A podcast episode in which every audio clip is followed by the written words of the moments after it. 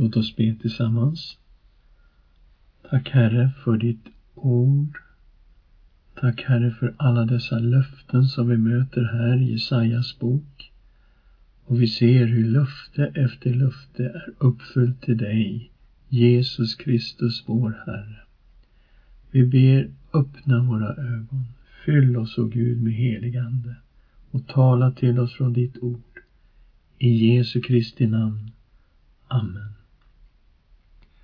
Ja, vi är inne i den sista delen av Jesajas bok, den som vi har kallat för Nya Jerusalem och Gudsfolkets hopp, Jesaja 58 till 66. Och nu kommer vi att titta på detta med det nya Jerusalem som har en sån central plats i den här delen av Jesajas bok. Vi kommer att titta på kapitel 60, 61 och 62. Vi börjar med Nya Jerusalems kommande härlighet i 61 till 22. Men vi kommer också att gå in i det 62 kapitlet som handlar just om det nya Jerusalem. Vi börjar med att läsa de första tre verserna. Mörker över jorden, ljus över Jerusalem. Stå upp, stråla, för ditt ljus kommer och Herrens härlighet går upp över dig. Se, mörker ska täcka jorden och töcken folken, men över dig ska Herren gå upp, hans härlighet ska uppenbaras över dig. Hedna folken ska vandra i ditt ljus och kungar i glansen som går upp över dig. Och det handlar om Jerusalem. Det står här att hela jorden ska vara sänkt i mörker men att Herrens ljus ska vara över Jerusalem och att hedna folken ska vandra i Jerusalems ljus. Och det handlar ju inte om ett fysiskt mörker utan om ett andligt mörker och ett andligt ljus. Och vi ser samma sak när vi kommer till Uppenbarelseboken kapitel 21 och vi läser om det himmelska Jerusalem. Kapitel 21, vers 24. Och folken ska vandra i dess ljus och jordens kungar ska föra in sin härlighet i den. Och vers 26. Och folkens härlighet och ära ska föras in i staden.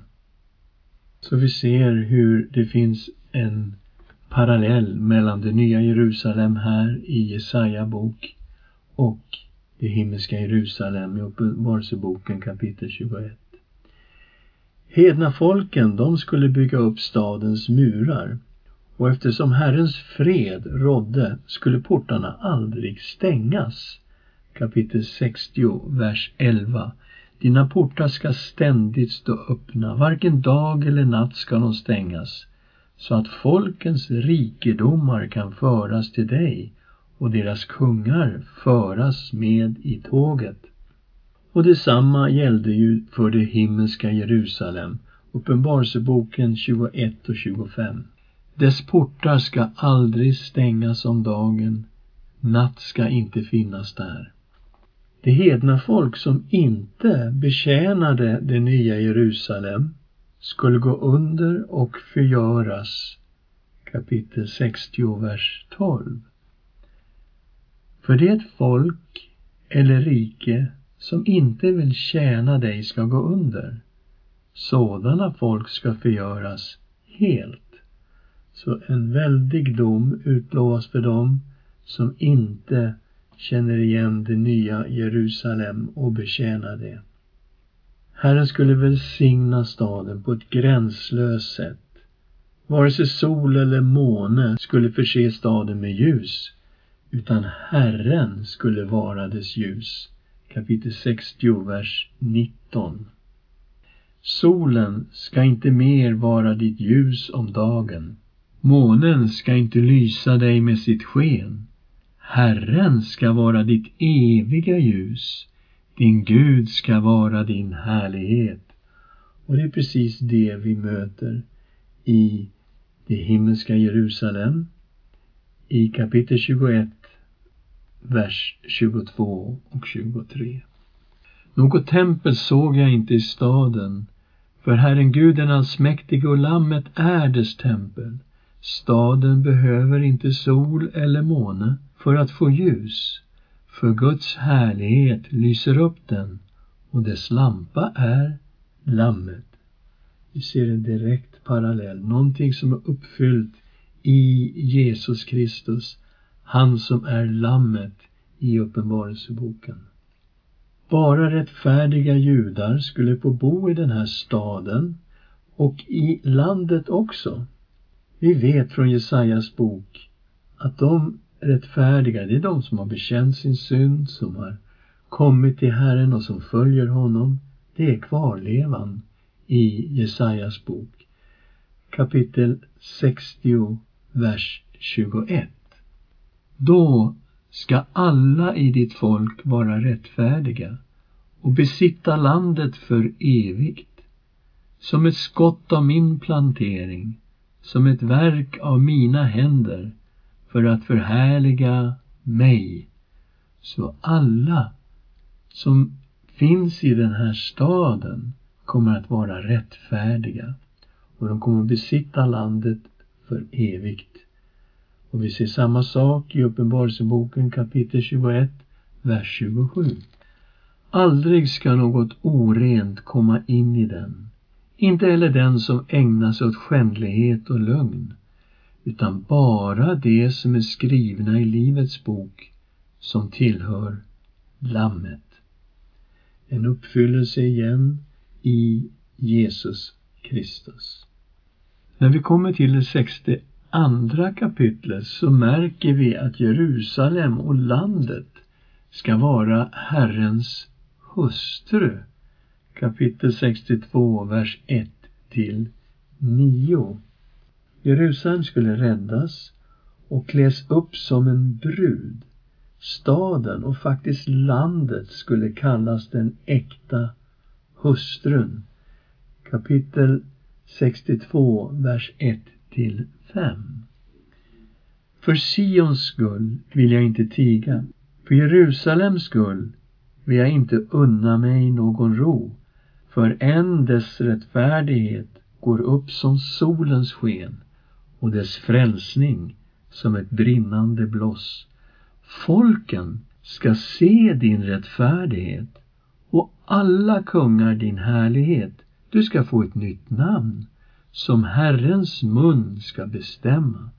Du ska vara en härlig krona i Herrens hand, ett kungligt diadem i din Guds hand. Du ska inte mer kallas den övergivna, ditt land ska inte mer kallas ödemark, utan du ska heta min kära och ditt land den äkta hustrun, för Herren har dig kär. Ditt land har fått sin äkta man. För som en ung man gifter sig med en jungfru, så ska dina barn gifta sig med dig. Som en brudgum jublar över sin brud, så ska din Gud jubla över dig. Så vi ser språket här, att Jerusalem och faktiskt landet är i ett äktenskapsförhållande till Herren. Och när vi kommer till Uppenbarelseboken så möter vi samma språk. I Uppenbarelseboken kapitel 21, vers 2. Och jag såg den heliga staden, den nya Jerusalem, komma ner från himlen från Gud, redo som en brud som är smyckad för sin man. Och i nionde versen. En av de sju änglarna med de sju skålarna som var fyllda med de sju sista plågorna kom och talade till mig och sa Kom, jag ska visa dig bruden, Lammets hustru. Och då är det den här staden, tionde versen. Och han förde mig i anden upp på ett stort högt berg och visade mig den heliga staden Jerusalem som kom ner från himlen från Gud. Den hade Guds härlighet. Dess strålglans var som den dyrbaraste ädelsten, som kristallklar jaspis. Så vi möter här i Uppenbarelseboken att den här himmelska staden är Lammets hustru, smyckad som en brud. Och det stämmer så väl överens med hur det nya Jerusalem är beskrivet i kapitel 62 av Jesajas bok. Staden skulle beskyddas och välsignas. Ett baner skulle resas för folken. Vi läser kapitel 62, vers 10. Gå fram genom portarna, bana väg för folket, röj en väg och rensa bort stenarna. Res upp ett baner för folken. Återigen detta med att vara ett baner för folken. Det är ju samma begrepp som vi såg i den messianska texten om telningen från Davids släkt, det vill säga Messias, i kapitel 11, vers 12 i Jesajas bok. Han, det vill säga Davids son, ska resa ett baner för hedna folken och samla de fördrivna av Israel och de kringspridda av Juda. Här kan vi också läsa om Guds frälsning som var en person och som skulle komma. Vi ser i Jesaja kapitel 62, vers 11 och 12. Se, Herren förkunnar till jordens ände. Säg till dotter Sion, se din frälsning kommer. Se, han har med sig sin lön, hans segerbyte går framför honom. Man ska kalla dem det heliga folket, Herrens återlösta, och du ska kallas den eftersökta, staden som inte blivit övergiven. Så, här möter vi begreppet se din frälsning kommer. Och vi vet att tjänaren, det han kallas för Guds frälsning. I kapitel 49, vers 6 så säger Herren till sin tjänare Jag ska sätta dig till ett ljus för hedna folken för att du ska bli min frälsning ända till jordens yttersta gräns. Och här i kapitel 62, vers 11, så får vi möta att din frälsning kommer. Se, han har med sig sin lön. Hans segerbyte går framför honom. Och det här är någonting som ger ett eko av den messianska inledningen av trösteboken där Herrens segerbyte gick framför honom och han kom som en god herde kapitel 40, vers 10.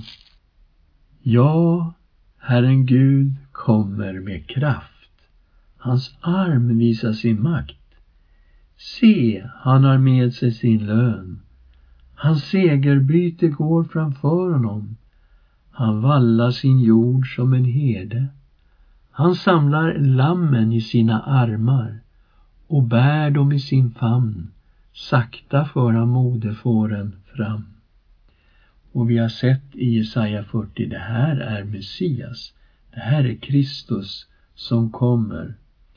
Som Johannes döparen var utsänd för att bana väg för för Herren som skulle komma. Så mitt emellan de här två kapitlen, kapitel 60 och 62, som handlar om det nya Jerusalem, och vi har också sett nu hur allt det här är uppfyllt i det himmelska Jerusalem i Uppenbarelseboken kapitel 21. Och därmed är det uppfyllt i Kristus, han som är lammet i Uppenbarelseboken. Och mitt emellan de här två kapitlen ligger ju kapitel 61 som är ett messianskt kapitel. Och det vet vi därför att Jesus läste ifrån kapitel 61, vers 1 och 2 när han ställde sig upp i synagogan i Nasaret. Det står att han gick in i synagogan på lördagen på sabbaten som han brukade och man räckte honom en bokrulle med profeten Jesaja.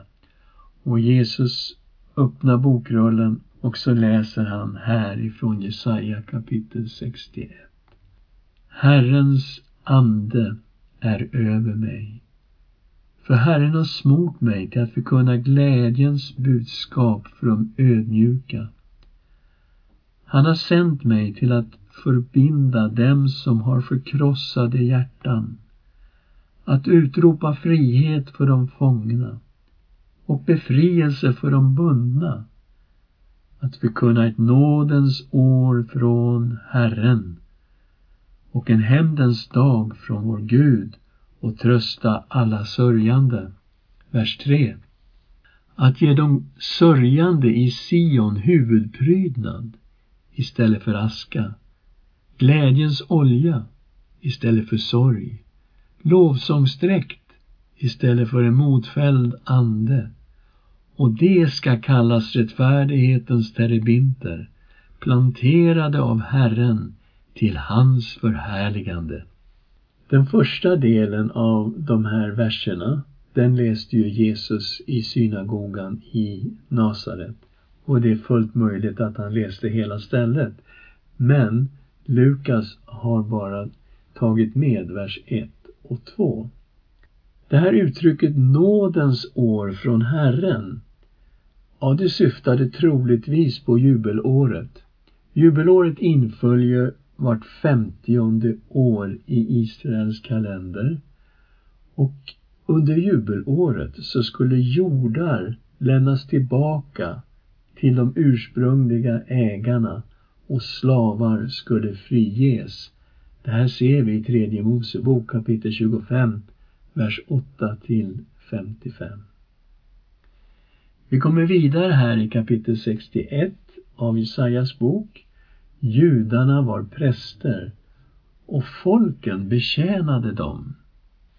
Judarna skulle få återvända, de skulle få bygga upp städerna i Juda, vers 4.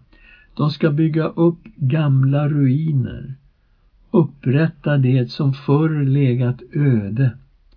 De ska bygga upp ruinstäderna igen, platser som varit öde i generation efter generation och främlingar skulle ta hand om jordbruket och föra sina skatter till Jerusalem samtidigt som judarna kallades för Herrens präster. Vi läser från vers 5. Främlingar ska stå och valla era jordar. Utlänningar sköta era åkrar och vingårdar. Och ni ska heta Herrens präster. Man ska kalla er vår Guds tjänare. Ni ska få njuta av hedna folkens skatter och ståta med deras härlighet. Det här är ju precis tvärtom den situation som fanns i Babel där de var fångar, där de fick utföra slavarbete. Här skulle det vara tvärtom. Främlingar skulle ta hand om deras jordar och sköta om vingårdarna och judarna, de skulle heta Herrens präster. Det här begreppet med att de var Herrens präster, det kommer säkert ifrån Andra Mosebok 19, vers 5 och 6, där Israel skulle vara ett rike av präster. Och det här i samband med att Gud gör ett förbund med Israels folk vid Sinai berg. Om ni nu hör min röst och håller mitt förbund ska ni av alla folk vara min dyrbara egendom, för hela jorden är min. Ni ska vara för mig ett rike av präster och ett heligt folk. Detta är vad du ska tala till Israels barn. Och att Israel skulle vara ett prästfolk bland alla folk på jorden, det innebär också att Israel hade ett missionsuppdrag på sig att förkunna om Herren för hedna folken. När vi kommer till det nya förbundet då möter vi de här verserna där igen. Och där är det församlingen, de som tror på Jesus Kristus som består, en församling som består av både judar och hedningar. Det är de som är prästerna. I första Petrusbrevet kapitel 2 så säger Petrus så här. Men ni är ett utvalt släkte, ett konungsligt prästerskap, ett heligt folk, ett Guds eget folk för att förkunna hans härliga gärningar. Han som har kallat er från mörkret till sitt underbara ljus. Ni som förr inte varit folk är nu Guds folk ni som inte hade fått barmhärtighet har nu fått barmhärtighet. Och det här är sagt till församlingen, men Petrus citerar ju ifrån Andra Mosebok kapitel 19, vers 5 och 6.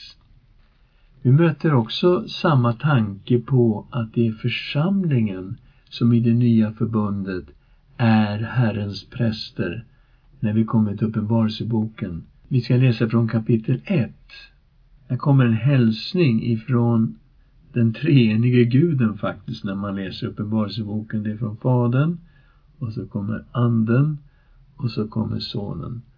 Hälsningen är Nåd vare med er och frid från honom som är, som var och som kommer.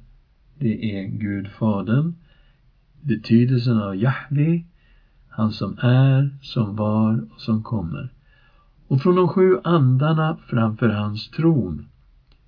Det här är ju de sjufaldiga egenskaperna av Guds ande som vi mötte i Jesaja kapitel 11 om Herrens ande som är över Davids son, telningen, som då är Messias Kristus.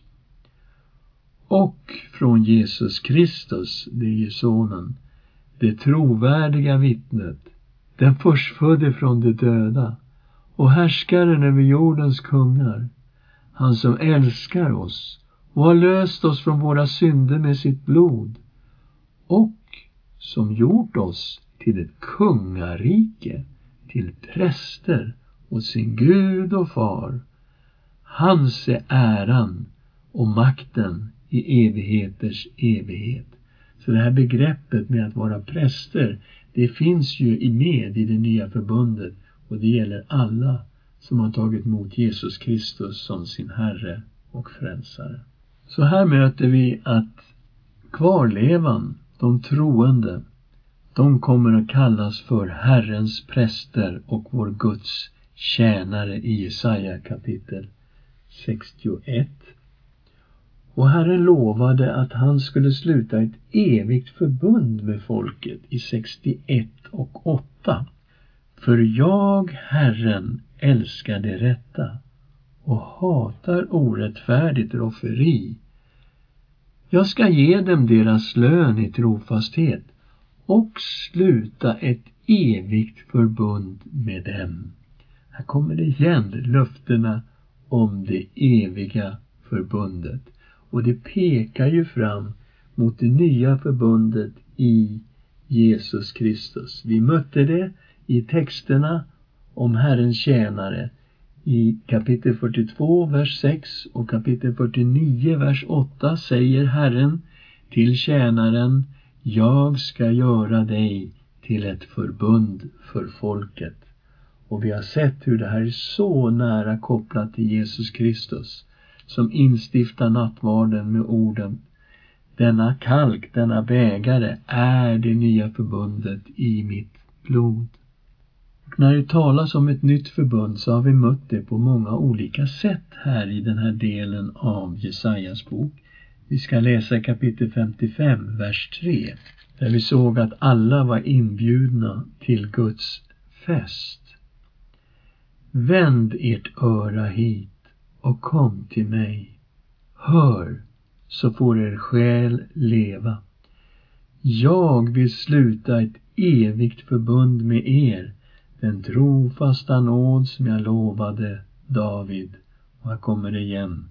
Davids son, Messias. Det är han som instiftar det nya förbundet. Och det är viktigt då att notera att det nya förbundet, den kom med Jesus.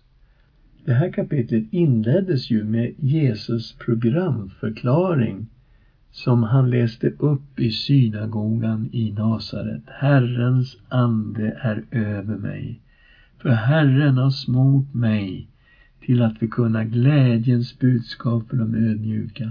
Han har sänt mig att förbinda dem som har förkrossade hjärtan och utropa frihet för de fångna och befrielse för de bundna och förkunna ett nådens år från Herren. Och så kommer vi till några verser här och man undrar, är det profeten, är det kvarlevan eller är det Messias som gläder sig i de här verserna? Kapitel 61, vers 10 och 11. Och det inleds med Jag gläder mig stort i Herren. Vem är jag? Är det Jesaja? Är det kvarlevan? Jag tror att det är samma person som i inledningen av kapitlet säger Herrens ande är över mig. Och jag tror att det är den personen som säger Jag gläder mig stort i Herren. Och då är det Kristus som säger detta. Jag gläder mig stort i Herren. Min själ fröjdar sig i min Gud. För han har klätt mig i frälsningens klädnad och svept in mig i rättfärdighetens mantel som när en brudgum sätter turbanen på sitt huvud, som när bruden pryder sig med sina smycken. För liksom jorden låter sina växter spira fram och en trädgård låter sin sådd växa upp, så ska Herren Gud låta rättfärdighet och lovsång växa upp inför alla folk han som skulle vara ett ljus för hedna folken. Han gläder sig i Herren, han fröjdar sig i sin Gud och vi möter en lovsång här som stämmer mycket väl in på Jesus Kristus. Låt oss tacka Herren tillsammans.